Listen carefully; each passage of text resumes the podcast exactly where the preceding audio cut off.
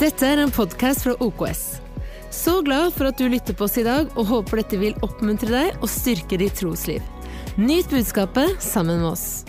Det jeg skal dele, er ikke direkte relatert til det som skjer, men det er et lite bakteppe likevel.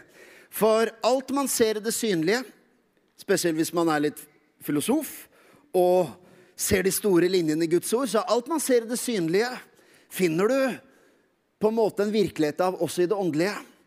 Og nå kommer tre søndager som jeg vil Det er veldig sjelden jeg trykker så hardt på når vi har temaserie. Hver søndag står på seg selv, på egne ben. Jeg vet at noen har turnusjobber osv., og, så videre, og du, det er vanskelig å kanskje få hvert hver gang. Men de tre neste søndagene henger sammen. Og hver av disse søndagene så skal du både få et konkret redskap, og også de to neste skal du få noe utdelt. Og for deg som ser online, så skal vi gjøre, se om ikke vi får gjort noe av det tilgjengelig digitalt. For eh, disse tre søndagene ønsker jeg skal ikke bare være bare vært i oppbyggelse og si at det var en fin serie og jeg lærte noen ting. Men jeg har bedt virkelig Gud om at disse tre søndagene skal utgjøre en konkret forandring. Eh, som i beste fall kan forandre resten av livet. Og kanskje hele hjemmet. Kanskje neste generasjon. Eh, det er litt store ord, men jeg har forventning til at det vi skal snakke om de tre søndagene her, som er relatert til Guds ord, relatert til Bibelen rett og slett, og Guds ord, så har jeg et ønske om at den skal skape varig forandring. Noen de har konfirmasjonsbibelen sin, og den er urørt. Kanskje mange år senere. Men hvem var det som sa det? At en, en, en, en, ut, si, en, velbru, altså en sliten bibel eller en en bibel som holder på å falle fra hverandre, tilhører en person som ikke gjør det. Og det er Charles Spurgeon som er kilde til det sitatet. Vi har skriftleide på første rad som hjelper meg, og det er jeg veldig glad for. Um, men det er, det er, liksom bare noe av bakteppet. Men vi skal begynne i første Mosebok. Aller første bok i Bibelen. For det kommer, du skjønner, når du ser hva som skjer i verden, så ser du at det samme har foregått allerede fra første side. Så du kan liksom bla bare helt til starten. Du trenger, det er sånn, du trenger ikke si kapittel og vers, du kan bare si side to, liksom. Første Mosebok, kapittel tre og vers 1-5. Dette er Adam og Eva i hagen. Dvs. Si her er en samtale mellom slangen og Eva i hagen. Og det er en dramatisk samtale i paradis, hvor alt har vært fint og idyllisk og flott, og Guds nærvær har vært der.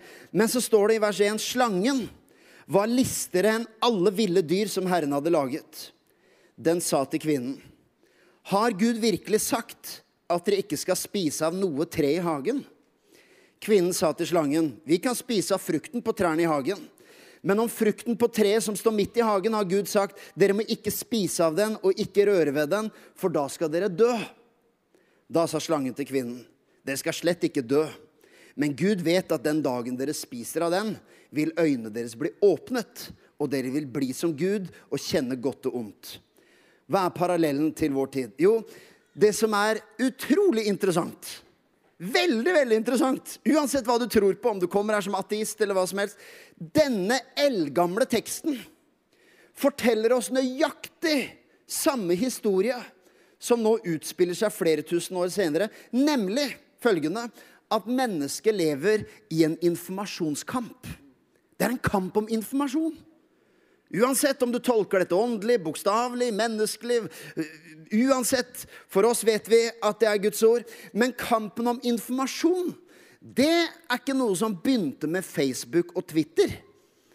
Kampen om informasjon er en del av menneskets fall fra Edens hage. For i Edens hage så utspiller det seg et enormt drama. Hvor slangen begynner Det er spesielt tre ting. Nemlig hva som egentlig har blitt sagt. For Gud har talt sitt ord, og han har gitt de løfter og bedt de forvalte hagen og gitt de ressurser til å gjøre det som de skal gjøre i hagen. Han har gitt de utgangspunkt for å stole på hans ord og stole på hans stemme. Men så kommer slangen og, sier, og begynner å snakke om hva som egentlig ble sagt. Og så begynner slangen å si hva som ikke har blitt sagt. Det er sånn i våre tider, spesielt de siste årene, så er det liksom en sånn veldig Det de ikke forteller deg. The truth is out there. Det er en hot potet. En blanding av norsk og en hot potet. Hot potato. En varm potet. Det er en bakt potet, dere. Men du verden hvor juicy og hvor interessant og hvor mye følelse som utspiller seg omkring. Hva er det de ikke sier? Det er en kamp om informasjon. Og slangen kommer og sier jo, Gud har sagt sånn og sånn, men det er noen ting han ikke har sagt. Og så er det en kamp om å forklare hva er motivasjonen bak det som ble sagt. For Gud vet at hvis dere spiser av frukten, da vil øynene deres bli åpnet. Og det vil han ikke, så han har en motivasjon for å si det han sier. Og nå vet vi at akkurat som slangen løy til Eva, så vet de at mennesker lyver i dag. Og verdensledere kan lyve. Og Putin lyver. Og det er ikke det jeg skal gå detaljert inn på nå. Men slangens informasjonsbudskap Husk dette her, at hele menneskets historie begynner med en kamp om informasjon. Hva vet du om Gud? Hva har Gud sagt? Hva vet du om deg? Det er en informasjonsfight. Og Hvis du tenker at det berører ikke min hverdag akkurat nå, det gjør det 100% helt sikkert. Uansett hva du slåss med og sliter med, uansett hva du er urolig for, uansett hva dine bønneemner er, så er den kampen du står i, er en informasjonskamp omkring hva Guds ord sier om din situasjon. Det er en infokamp. Når slangen sier at Gud skjuler noe for dere, så er jo det egentlig også et bakteppe, eller underforstått, at egentlig så sier slangen til Eva at Gud ønsker ikke dere det beste. Så derfor er det best å ta regien sjøl. Og det er det som skjer. Det er det som er syndefallet. Det er ikke bare at de, de ble frista av en forferdelig juicy fristelse. Det er en kamp om sjefsstolen. Fra at Gud er herre, til at slangen sier hvis Gud er herre, da går dere glipp av en del ting. For han holder noe tilbake. Så det beste er å være herre i eget liv. For da kan du nå ditt fulle potensial. Det er gjenkjennelig. Det er sånn egentlig nordmenn flest tenker at jeg ønsker ikke å bli kristen, for jeg ønsker å leve livet. Det er en informasjonskamp om hvem Gud er. Det er en informasjonskamp om hva det er å være kristen. Det gjelder de unge, det gjelder barna, det gjelder ungdommene, det gjelder hvert hjem, hver husholdning. Det er en informasjonskamp om hvem er Gud, hva har han lovt, hvilket liv har han å gi. Og det står til og med at vi står i en sendetjeneste på Kristi vegne. Vi er i en informasjonsoppdrag, Kirken. Vi er her for å informere, opplyse mennesker om en Gud som forsonte seg med deg. En Gud som har løfter for ditt liv. En Gud som ikke lover at det blir problemfritt og bare gull og grønne skoger. Men en Gud som kommer og sier at hvis du vil ta regien selv, så er det ikke sånn at da får du leve livet til fulle. Nei, den som har sønnen, han har livet. Den sønnen setter fri. Han blir virkelig fri. Menneskets opplevelse av frihet det er at jeg er fri til å ta mine egne valg og ha regien over eget liv. Og ja visst, samfunnsmessig tror vi på den individuelle friheten. Amen. Vi tror på et fritt samfunn med frie valg og frie mennesker. Men samtidig, når det kommer til den åndelige virkelighet, så er det sånn at den som ønsker å ta regien i egne hender og tenke at jeg er fri til å ta egne valg, den er under en enorm byrde. Et enormt press. Et enormt slaveri. Og prøve å, som man sier til de unge i dag, bare du kan definere hvem du er. Jeg tenker, For en oppgave! For en 15-åring! Ja, bare du vet hvem du er. Vet du hva? Som 15-åring jeg ante ikke hvem jeg var. Og ene dagen var jeg det, og neste dagen var det. Og ene år var jeg forelska i Martha Louise, og neste år tenkte jeg jeg kommer til å bli singel resten av livet. Hvem vet hva som kunne ha skjedd? Jeg kunne vært rojal. Det hadde vært grusomt. Ja, men forstå meg rett, Det er en enorm byrde. Jo, men bare du kan ta regien. Ikke la noen fortelle deg liksom, hvem du er. Alt det høres fint ut. Men likevel så har vi en generasjon full av angst, uro, depresjon og psykiske problemer. Legg sammen én og én! Du skjønner, et eller annet sted her sånn, så er presset av at bare jeg kan ta regien, det er den løgnen slangen Det er den informasjonskampen slangen kommer til Eva med. Du må ta regien sjøl. For Gud, Gud, har en baktanke. at Hvis du legger deg under han, så går du glipp av noe. Mens Gud har sagt 'spis av alt som er i hagen'. Men det fins også noen rammer. Det fins også noen ting som er til din beskyttelse. Det er ikke for å begrense deg, det er ikke for å kneble deg, det er ikke for å kvele livet. Det er ikke fordi Gud holder noen ting tilbake. Nei, det står han som ikke sparte sin egen sønn. Hvordan kunne han annet enn å gi oss alle ting med han? Det er hjertet til Gud. Gud er en sjenerøs Gud. Men slangen kommer med en annen informasjon og sier at nei, Gud holder noe tilbake. Underlegger du deg det, da går du glipp av noe. Jeg vet at ved første øyekast, hvis du er her og er en tenåring f.eks., og tenker at kanskje ved første øyekast så er liksom, hvis du går på en ikke-kristen skole spesielt, så kan det se ut som det er en enklere reise å joine mengden og ikke måtte stå for noe. Kanskje ser man kortsiktig at jo, men jeg taper noe, jeg mister noe. Jeg mister kanskje eh, Jeg vet ikke hva man eventuelt mister, men man kan miste litt popularitet, eller man kan miste noen meninger, eller jeg vet ikke hva det er. Men et eller annet, på kort sikt kan det se ut som man mister noe. Men jeg kommer, det er derfor vi driver med informasjon her. Og jeg informerer deg om at det fins en Gud som har skapt deg, som elsker deg, som har et liv for deg. Og det er det beste man kan gjøre, er å følge han og gå med han og være full av hans ånd. Du går ikke glipp av noe. Du vet, har du hørt begrepet FOMO? Fear of missing out. Det er frykten for å gå glipp av noe. Det er det som gjør at en del av oss aldri klarer å si nei. For vi vil ikke gå glipp av noe. Tenk om det blir bra. Kommer du den kvelden? Er det risiko for at det kan bli bra? Ja, jeg kommer! Jeg vil ikke høre etterpå at det ble bra og jeg ikke var der. ikke sant? Er det noen som har FOMO? Man snakker om at det er et sånn ungdoms, ungdomsfenomen uh, også. At man ser hva de andre gjør på sosiale medier, og man hører om et eller annet som skjer der, og et eller annet som skjer der, og det er en frykt for å gå glipp av noe. Fear of missing out. Men vet du hva? Det er kun én ting som det virkelig er grunn til å ha FOMO for. Det er fear of missing out av det som Gud har for livet ditt. Eva skulle egentlig ikke frykte at Gud holder noe tilbake, men skulle frykte å havne i en situasjon hvor man ikke får det fulle potensialet av hva Gud gir. Denne situasjonen i hagen beskriver selvfølgelig en åndelig realitet. ok? Og informasjonskampen står om tilliten til Guds ord. Kan jeg stole på Guds ord, eller bør jeg ta regi og være herre i, eget liv?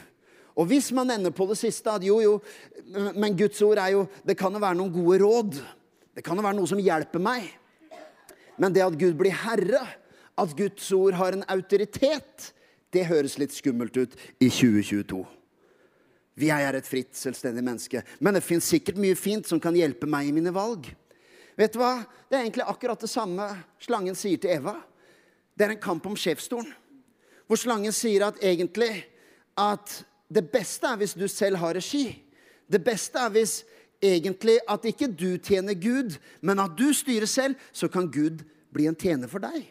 Og det er egentlig det som skjer når Guds ord ikke er en autoritet, men gode råd og tips. Det er jo egentlig at Gud går fra å være skaper av alt og allmektig og allvitende, til at jeg er allmektig og allvitende, og Guds ord er min coach. Og det, se, det er veldig subtilt. Slangen er smart. Det står det han er listig. Det er derfor jeg vet at flest, folk flest ønsker enkle prekener. Men det er noen ting i livet og i tankegangen som ikke alltid er så enkelt. Det syns ikke helt på overflaten. Høres veldig fint ut. Lev livet ditt i fulle. Og så har du til og med Gud med som heiagjeng langs veien. Vet du hva? Det er et slaveri å leve som sin egen herre. Det er bare at det ofte tar lang tid for folk å oppdage det.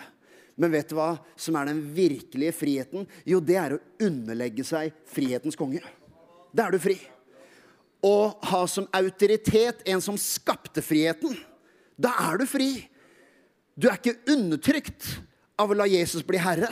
Du blir satt fri til å leve som den du er skapt til å leve. Uansett så beskriver første Mosebok og syndefallet også i det naturlige et verdensbilde som helt presist beskriver oss den dag i dag. Det er en kamp om informasjon. La oss ikke gå i detaljer på det. Men det er interessant både de to siste årene også nå med krigen i Ukraina.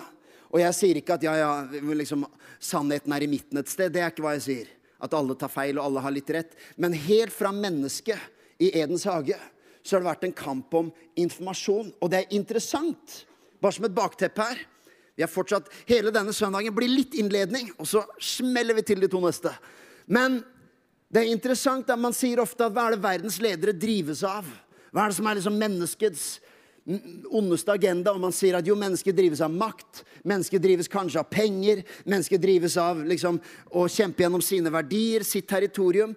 Men det mektigste våpenet av alt viser seg å være informasjon. Selv hvis du er ute etter makt, så er det hvis du kan få rett informasjon til folket. Det er derfor noen vil lyve for folket sitt. For hvis jeg får ut en viss type informasjon, så har jeg fått makt. Det er en kamp om informasjon. Det er bare å se de siste årene. Og la oss ta det helt ned til hva som skjer. Jeg har tre unger. La oss ta det helt ned til hva som skjer i en vanlig skolegård en vanlig onsdag storefri. Vet du hva det er? Det er en kamp om informasjon. Han sa at jeg var dus. Nei, jeg sa aldri det. Det var du som sa at nei. Jeg sa ikke det. gjorde jeg aldri. Ja, men det var du som begynte. Nei, det har jeg aldri gjort. Det er en kamp om informasjon. Alle foreldre sa Det er det. Det er en kamp om informasjon. Og som forelder så stoler du alltid på ditt eget barn sin versjon. så fant jeg ut Oi, det var visst to versjoner, og kanskje flere. Det er en infokamp. Og ikke tro at dette er noe mindre i konflikt mellom voksne. Jeg tror alle her som har jobba med mennesker Roberto sitter her, jobba med Vi alle har jobba med mennesker, men jobba med kanskje også spesielle situasjoner, og der hvor det er spenning og konflikt i årevis. Er det én ting som er helt sikkert, så er det at det er en kamp om informasjon. Når mennesker er mot hverandre. I en familiekonflikt det er en kamp om informasjon i et ekteskapskonflikt. Det er en kamp om informasjon. Hvem såret hvem først? Hvem såret hvem mest? Det er en kamp om informasjon. Og det som er interessant når man ser på verden, er at selv gode mennesker kan støtte ondskap når man er feilinformert. Det er bare å se hele verdenshistorien. Og tar vi det helt, litt mer ned til hverdagen, så er det sånn at hvordan vi inndeler godt og ondt, og hvem vi heier på i en konflikt, hvem vi syns er den snille, hvem vi syns er den slemme, det er egentlig ikke bare styrt av hvorvidt hjertet vårt er godt eller ondt, men hvilken informasjon har vi? Har du noen gang fått én sides informasjon og tenkt hvor grusomme de andre er? Hvor slemme de har vært, og tenkt at ah, det, her er, liksom Du verden, så, så fælt de har behandla deg. Så hører du den andres versjon, og så er du helt forvirra. Dette er to forskjellige verdener. Jeg sier ikke nå at det er to forskjellige versjoner, og begge har litt rett i det som skjer i verden og i krigen. Det er ikke det jeg sier. Jeg bare sier fenomenet er der. At det er en voldsom kamp om informasjon. Hvis du nå tenker på informasjon, hvis du med en gang tenker på en eller annen konflikt Du tenker på et eller annet du har stått i. Kanskje en arbeidskollega eller en eller annen sjef du har vært i konflikt med. Er det ikke morsomt hvor raske vi er med å tenke at de andre er feilinformert? Jeg vet ikke med deg, men Hvis jeg hadde sittet og hørt denne prekenen, så hadde jeg tenkt ja, det er helt sant. De folka der er virkelig feilinformert. De tror at de har rett informasjon, men det har de ikke. Hadde de bare visst. Og vet du hva? Det er det som har vært helt siden Edens hage, det også. Jeg er snart ute av all filosofi her. Bare, bare vær med meg. Bare lat som om du henger på. Du skjønner, I en annen preken tidligere så snakker vi om det som egentlig er verdens store problem. Er ikke det ondes problem, det er det godes problem. Det er at alle mennesker hevder de er på den gode siden. All mener at den informasjonen jeg sitter på, representerer det gode. Under andre verdenskrig, hvor vi så noe av den mest grusomme eh, ondskapen som verden noensinne har sett, så skjedde det under et, et flagg av at vi skal kjempe for noe godt. Vi skal kjempe for noen verdier. Vi skal kjempe for en ren nasjon og gode familier og et trygt og godt samfunn. Det var gode verdier. Det er det godes problem. De som er mot en spesiell politisk beslutning også i vår tid, tenker at vi er mot den beslutningen fordi vi ønsker å bevare noe godt. Mens de som er for den beslutningen, tenker vi er for dette fordi vi ønsker å bevare noe godt. Det er ingen som kommer og sier 'Hei, jeg representerer ondskap', jeg. Vi så på det i den serien vi hadde tidligere. Enten det var menneskehandlere eller kartellmedlemmer i Mexico. Alle finner en måte å si 'Jeg er egentlig et godt menneske'. Men det er der egentlig evangeliet Det er der Guds ord Det står i Hebrebrev 4,12, hvis du hopper til det verset. Guds ord er levende og virkekraftig og skarpere enn noe tveget sverd. Det trenger igjennom til det kløver sjel og ånd, marg og ben, og dømmer hjertets tanker og planer. Ingen skapning er skjult for ham. Alt ligger åpent og naken for øynene på ham vi skal stå til regnskap for. Hva betyr dette? Det står ikke at Bibelen fordømmer hjertets tanker og planer. Men den Krineo den bedømmer, den eksponerer, den avslører. For akkurat som slangen drev informasjonspropaganda til Eva, så, driver, så har vi en tendens Etterpå så drev, drev, Eva og Adam litt informasjonspropaganda overfor Gud. Når Gud spør har, har dere spist av frukten, og Adam sier vel, kvinnen som du ga meg Han har to relasjoner, og det er de to han klarer å legge skylda på. Kvinnen som du ga meg, ga meg frukten. Det er propaganda for å rettferdiggjøre at 'jeg er et godt menneske'. Jeg har ikke gjort noe galt. Og bare legg merke til det. Se på verden, se på samfunnet, se på deg selv. Men så kommer Guds ord. Ikke, ikke fordømmer deg så du skal leve i fordømmelse og skam, men det kommer en ny informasjon som gjør at det står ingen skapning er skjult fram. Alt ligger åpent og naken. Man ser at alle mennesker har syndet. Jeg trenger like mye nåde som alle andre. Vi stiller i samme båt, for det er ikke sånn at jeg hadde et moralsk forsprang fordi jeg har hatt en kristen oppvekst. Mens andre som har hatt et liksom negativt moralsk forsprang, de har litt lengre vei å gå. Nei, egentlig er vi alle kommet til steg null. Men i Jesus Kristus så kom vi alle i mål og er blitt rettferdiggjort ved den ene. Uansett din bakgrunn, uansett din moralske reise, uansett hva, hvilken informasjon du har hørt om Gud, hvilken informasjon du har hørt om deg, hvilken informasjon du har hørt om Bibelen. Vi er her på grunnlag av den ene Jesus Kristus. Jeg er så glad for i vår tid Hør her. Jeg er så glad for å ha en god nyhetsfeed. En informasjonskanal å stole på. For det er sånn, selv om det fins medier og ledere jeg stoler mer på, og noen jeg stoler mindre på, så er det ingen jeg stoler helt på. Det er viktig. Vi kan ha høy grad av tillit, og det er virkelig et lim i et samfunn. Men det fins én ting som overgår jeg, Alle mennesker kommer til å skuffe deg. og det, Vi må slutte å bli så rysta og sjokkert fordi et menneske av og til gir feilinformasjon. Det har vi holdt på med siden første Mosebok. Men vet du hva? Det fins en nyhetsfeed når vi i disse dager liksom prøver å oppdatere oss og se hva som skjer, så fins det et levende ord som er en nyhetsfeed inn i ditt sinn og inn i din ånd. Det står sånn her i Matteus 24, 35, at himmel og jord skal forgå, men mine ord skal aldri forgå. Du skjønner, det som er på min agenda i dag Noen som kanskje ikke er vant med å høre kristen forkynnelse, eller forstå hva man mener når man nevner Guds ord, så tenker man Folk tenker automatisk veldig moralsk. ja, At dette representerer liksom et moralsk statement. Her er det liksom den kristne kulturarven. Men vet du hva? Denne boka er ikke et moralsk statement. Det er en bok som er i midten av stua vår, og den representerer ikke moral. Den er ikke der til advarsel for barna våre. Den er et håp. Den bringer tro. Det er liv. For alt det andre du hører, det kommer og det går, og trender kommer og trender går. Og en år er det slengbukser, og neste år er det ikke. Og en år er det det som er dramatisk, og neste år er det det som er dramatisk. Men hans ord skal aldri forgå. Så det er ikke en moralsk advarsel til familien. Det er et levende håp til vår husholdning. Det er derfor den står der. Salme 119. Summen av ditt ord er sannhet. Dine rettferdige lover varer evig. Det er viktig for deg som ikke har noe erfaring med Bibelen, enten du er ung eller gammel. tenker at den, jeg, jeg vet ikke hva det har blitt informert om jeg, når det gjelder den her. Min opplevelse er at den informasjonen veldig mange nordmenn har fått, er at det er en regelbok.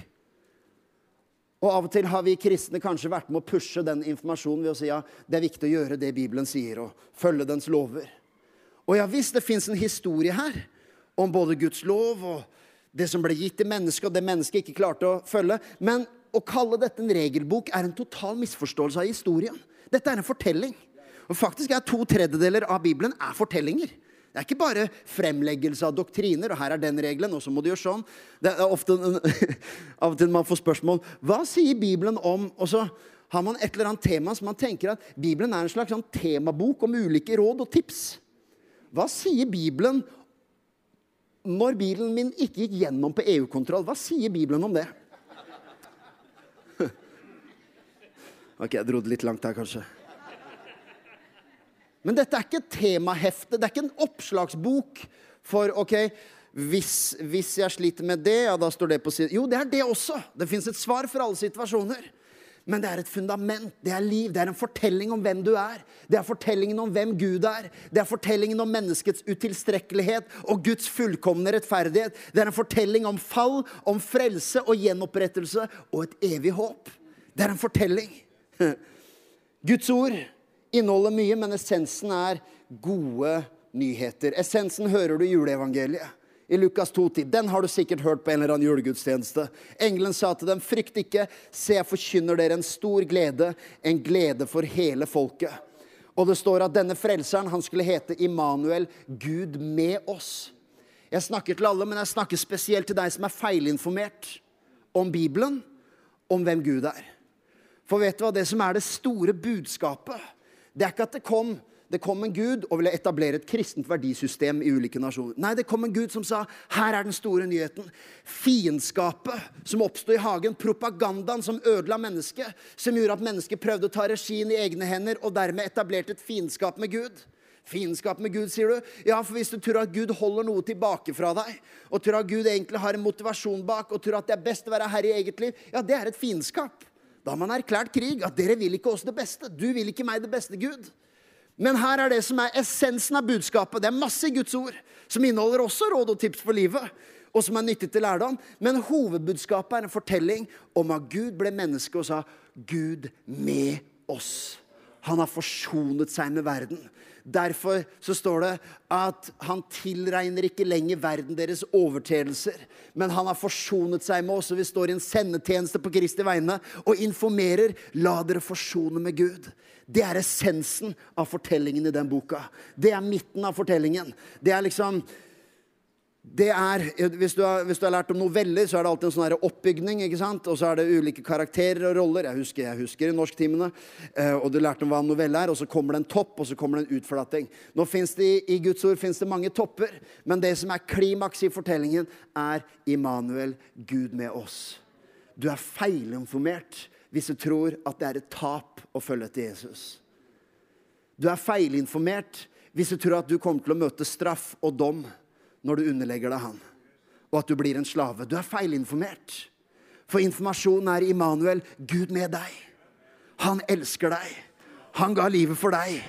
Han har et liv å gi til deg. Gud har jo ikke noen Egentlig klarer Gud seg fint sjøl. Det er ikke sånn at Gud er lei Gud er ikke som deg og meg. Han blir krenka når han blir avvist.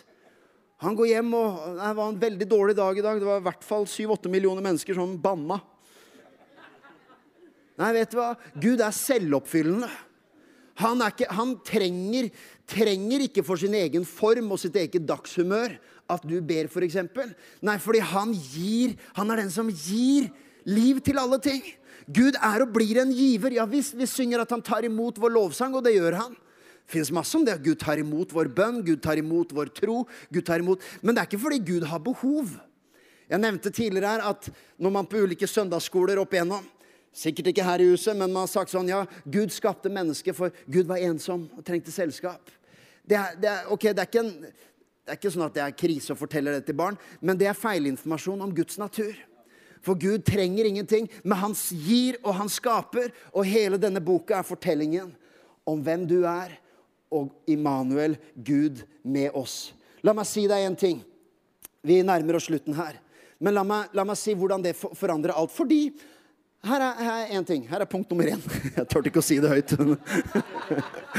La dere merke til det? Jeg turte ikke å si det. Punkt én. Men ikke vær redd. Vi, skal, vi skal runde av. Det er det som er så fint med en serie. All informasjon tolkes i lys av annen informasjon. Og det er derfor Guds ord forandrer alt. Du skjønner, Informasjon kommer aldri i et vakuum som en isolert ting. Her er en informasjon. All informasjon du mottar, kobler du med noe annen informasjon du vet. Det gjelder alle ting naturlig og åndelig. Ny informasjon forandrer fullstendig vår oppfatning av en sak. Så informasjon du kommer med til meg, tolker jeg i lys av hva annet jeg har hørt om den situasjonen. Det er kanskje litt sånn søkt illustrasjon, dette her, men det er likevel litt artig. Fordi min bror David han var en gang på, eh, For noen år siden så hadde mamma og pappa de hadde sånn eh, fritidshus i Østfold. Så flytter de til Østfold i stedet. Um, men de hadde et fritidshus der, og David skulle dit noen dager og jobbe og skrive og være alene. min bror. Og han kom på kvelden, og dette er i et sånn hytteområde hvor det da er um, Det er veldig fint, men når det er mørkt, så er det mørkt. Det er helt mørkt. Du ser nesten ikke hånda foran deg. Så når du kjører inn, så er det liksom billysene lyser opp, så det ser greit ut. Men når du skrur av bilen, så er det liksom Oi, hvor er jeg nå? Hvor er jeg nå? Og han skrur av bilen, og så er det på en måte litt sånn, litt sånn eh, Ja, det går fint, men han, han, han, skal, han, skal, på en måte løfte noe ting fra bilen og inn i hytta, og så er det helt mørkt, helt svart. Så begynner han å høre en stemme som sier 'Mami! Mami!' Og jeg vet ikke med deg, men David han har sett nok skrekkfilmer til å koble den informasjonen med annen informasjon han har. Og jeg mener, Han er ikke mest eh, lettskremte, men liksom, eh, den eh, stemmen kom flere ganger. 'Mami! Mami!' Og jeg mener, du, Noen av dere aner ikke hvorfor det der skulle være skummelt. Har du sett minst en halv skrekkfilm, så vet du så vet du med en gang så har du, du har tenkt både på, Du har tenkt på alt. Du har tenkt på du har sannelig tenkt på Jesus i løpet av de sekundene som du har hørt den stemmen. Og du har tenkt på demoner, og du har tenkt på alt mulig, og du ser disse filmcoverne alt mulig. Så, så eh, David forteller nok denne historien enda, enda bedre sjøl. Men det som viser seg etter at han er vettskremt, og den varer en stund, det er at bak så har han hatt med noen leker og noe greier. Og det er rett og slett en dokke på batterier som ligger og klemmer mot en sånn annen Jeg tror den dokka sa noe annet også. Det var, det var en ganske creepy situasjon, da. Men du skjønner, hans første informasjon, hans første impuls er at det er en stemme i bilen her som roper på mamma. På en litt sånn creepy, ekkel måte som jeg har skrek, sett i skrekkfilmer. Informasjonen han får, tolkes gjennom et spekter av erfaring og annen informasjon. Ja, dette er et fint tidspunkt å spille piano. Perfekt. Du, er, eh, du har teft. Det er alt jeg har å si. Men så, når han finner ut at dette er en dokke med batterier, så har han en annen kunnskap om leketøy, batterier, dokker og teknologi. Som gjør at det som hørtes så skummelt ut, er helt ufarlig. Det er samme stemme. Så han hørte den, Nå trykka han på med vilje. ikke sant? Mami, mami, Og da holdt på å le seg i hjel. Er det ikke rart hvordan ny informasjon gjør at det som først skremte vettet av deg, i neste øyeblikk gjør at du ler? Det fins en annen god illustrasjon, Hiro Onoda, som jeg har fortalt om tidligere også, tror jeg. En, en eh, japansk eh, soldat som i andre verdenskrig nekta å tro at krigen var over. Han kjempa videre til 1974. Kjempa han i andre verdenskrig. Han um, gjemte seg med tre andre japanske soldater gjemte seg i jungelen etter at de allierte erobret den filippinske øya Lubang i februar 1945. Flygeblader, altså flyer som informerte om at krigen var over, det tolka han som propaganda. Han stolte ikke på informasjonen. Så den lille gruppen var i krig med flere filippinske tropper ved en rekke tilfeller. De drepte rundt 30 soldater de neste årene. En av japanerne overga seg i 1949. De to andre ble drept i trefninger, og fra 1972 var han aleine igjen. Så det er altså 18 år etter krig Skal vi se, 45 til 72. Det blir jo 27 år. 27 år etter krigen så har kompisen hans dødd. Det er han igjen. Han fortsetter to år til og tror at det fortsatt er krig. Han ble funnet i jungelen av en japansk student i 1974. Men han ville kun overgi seg på direkte ordre fra en høyere offiser. Hmm. Japanske myndigheter sporet opp hans major fra krigen. Majoren fløy til Lubang, ut der sånn, informerte Onoda om at krigen var tapt, og beordret han til å legge ned våpnene. Onoda, Onoda ga da endelig fra seg sin Arisaka-rifle, sitt sverd og sin uniform. Onoda ble tatt imot som en helt hjemme i Japan og skrev bok om sin lange krig. Skjønner, Enhver lyd de hørte i jungelen, tolket de under informasjonen at det pågår en krig. Når de hørte soldater, når de hørte våpen, så var deres umiddelbare tanke forsvar. Dette er en trussel. Dette er en fare. Dette er en risiko. De hadde ikke blitt informert om at krigen er over. Legg ned våpnene. Overgi dere. Dere kommer, kommer, ikke til å bli straffa. Kommer ikke til å bli drept. Dere kommer til å overgi dere og våkne opp til et samfunn med fred. Men i 29 år fortsatte de krigen. Fortsatte å skyte Fortsatte å gjemme seg. Fortsatte å gå i forsvar. Jeg kan nesten ikke tenke meg noe bedre illustrasjon på mennesker som er feilinformert om evangeliet. Som tror at hver gang de hører noe om Gud, hører noe om ånd, hører noe om Guds ord, hører noe om hva kristen liv representerer, så hører man nesten en trussel. Man går i forsvar. Man tenker at det er et annet For Gud, han, han ønsker å liksom At jeg skal underkaste meg. Gud har kanskje ikke liksom eh, mitt beste for øyet. Gud ønsker å styre og regjere over meg, mens jeg kjemper egentlig for min frihet, så jeg går i forsvar. Men vet du hva? Ny kunnskap forandrer alt. Hvor budskapet er det er ikke noen krig. Og vet du hva? Det Evangeliet har akkurat det samme budskapet. At vet du hva? Fiendskapet mellom deg og Gud er over fordi at han avvæpnet maktene og myndighetene på korset. Han tok det skriftemålet som sto imot oss med bud, står det. Det som var loven, det som, hadde, det som gjorde oss skyldige, og det som gjorde at vi hadde brutt den loven som faktisk ble gitt i Israel, og som ble gitt til mennesket. Den loven tok Jesus og naglet til korset. Som gjør at du og jeg står egentlig her og kan bare gi fra oss våpnene. Og våkne opp til fred. Fordi det står også i Festbrev 2 at han eh, fjernet fiendskapet og etablerte fred både mellom mennesker, men mellom Gud og oss. Jeg vet ikke hvilken informasjon du har fått om Gud, men det fins en ny informasjon. Det er nemlig at krigen er over mellom deg og Gud. Du kan legge ned våpnene, komme, og du kan gjerne skrive bok om det etterpå, men det finnes fred i livet med Gud. Akkurat som den bortkomne sønn som kom hjem og venta på at jeg lurer på hva som kommer til å skje kan jeg i hvert fall kanskje få lov å være der som en tjener i min fars hus. Men far kom han i møte med åpne armer. Jeg vet dette er enkelt evangelium, men dette er del én av tre søndager. Og jeg vil du skal skjønne at Det er essensen av de nyhetene. Det er derfor vi ønsker å ha den i sentrum av stua vår og sentrum i livet vårt. Fordi som kristen så forandrer den informasjonen måten jeg tar imot all annen informasjon. Det er ikke sånn at den andre informasjonen forandrer seg. Jeg åpner fortsatt avisene og leser om uro og krig. Men all informasjon jeg nå hører fra verden, forandrer seg pga. den informasjonen jeg har fra Gud. Det gjør at det filtreres gjennom. Ok, jeg hører hva som skjer, jeg ser bekymringen, jeg ser uroen. Men jeg har et ord som gir meg kunnskap om at Gud har kontroll, og han kommer til å vinne til slutt.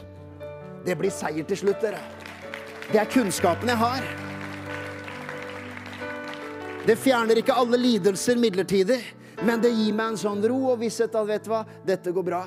Det går bra til slutt. Vi vinner. Vi snur kampen.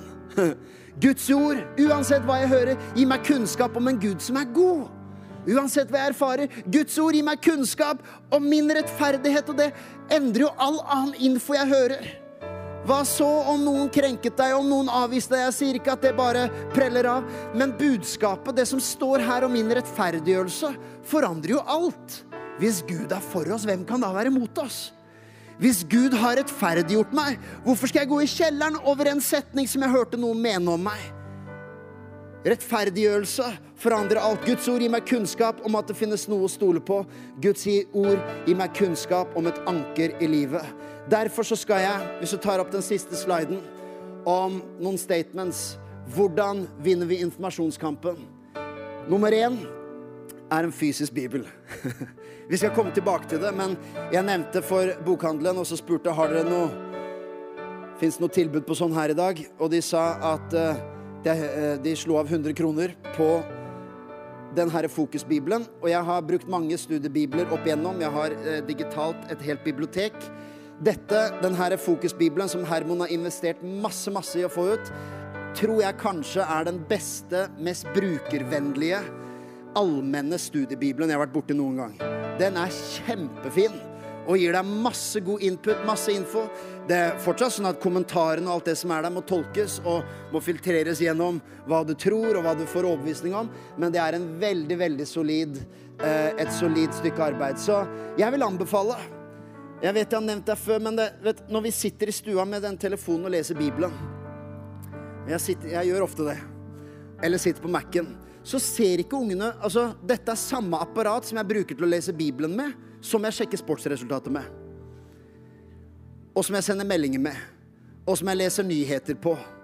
Det er, liksom, det er ingen kontrast. Og dette har ikke å gjøre med liksom en eller annen sånn moralsk greie. Men jeg tror at etter så mange år med digitalisering, så er det jo Arild nevnte dette her forrige søndag også, så tror jeg faktisk at det betyr mer enn ingenting å ha vår fysiske bibel. Vet du hva jeg husker når jeg var liten? To ting som jeg aldri glemmer. Og jeg er på overtid nå, jeg vet det, men jeg skal avslutte. To ting som jeg aldri glemmer som liten. Gudstjenester i OKS.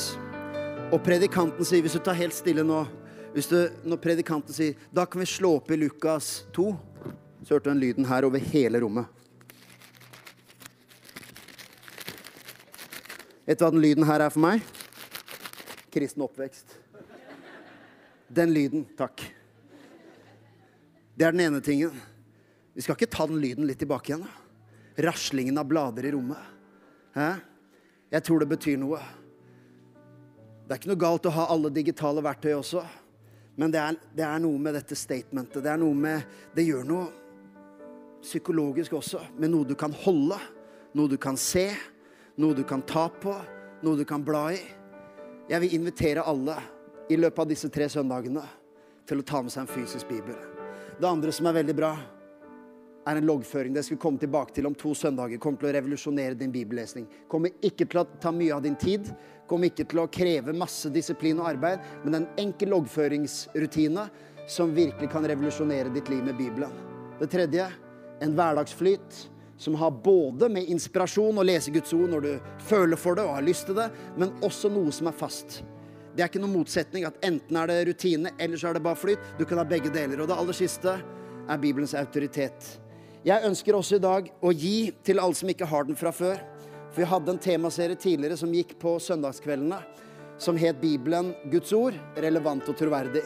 Dette er ikke en bok jeg har satt meg ned og skrevet, men noen skrev essensen av innholdet fra de tre søndagene den gangen. Eh, vi har et eh, Jeg tror vi har ca. 100-110-120 bøker igjen. Alle som tar turen innom bokhandelen, får den gratis i dag. Og du trenger ikke å kjøpe den i bokhandelen. Det er Om du så bare går gjennom med den åpenbare agendaen at jeg skal ha en gratis bok, så er det helt OK. Vi vil at du skal ha den. Den gir deg litt, grann, bare litt sånn bakgrunnsstoff og litt om å forstå hva slags bok Bibelen er, dens troverdighet i forhold til dens tilblivelse, hvordan den ble satt sammen osv. Litt bra stoff som kan hjelpe deg også i denne temaserien. Disse tingene er veldig praktisk og veldig konkret, men det hjelper oss til å bringe gode nyheter tilbake i stua. For jeg tror, helt ærlig Helt ærlig, mann. Jeg lover deg. Helt ærlig, da. så tror jeg ikke at dette er den siste uka vi lever med urolige nyheter på de sekulære mediene. Jeg tror det kommer til å vedvare en stund.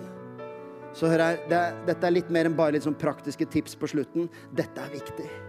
Dette er et veiskille på hva vil du mate ånden med. Hva skal du mate tankene med? Hva skal du mate sinnet med? Hva preger deg? Hva er det første du tenker når du våkner om morgenen? Har det skjedd noe i natt? Er det nye handlinger? Skal jeg gå på nyhetene? Eller fins det en ryggmargsrefleks? Jeg må starte dagen med riktig fundament. Guds ord er levende og virksomt.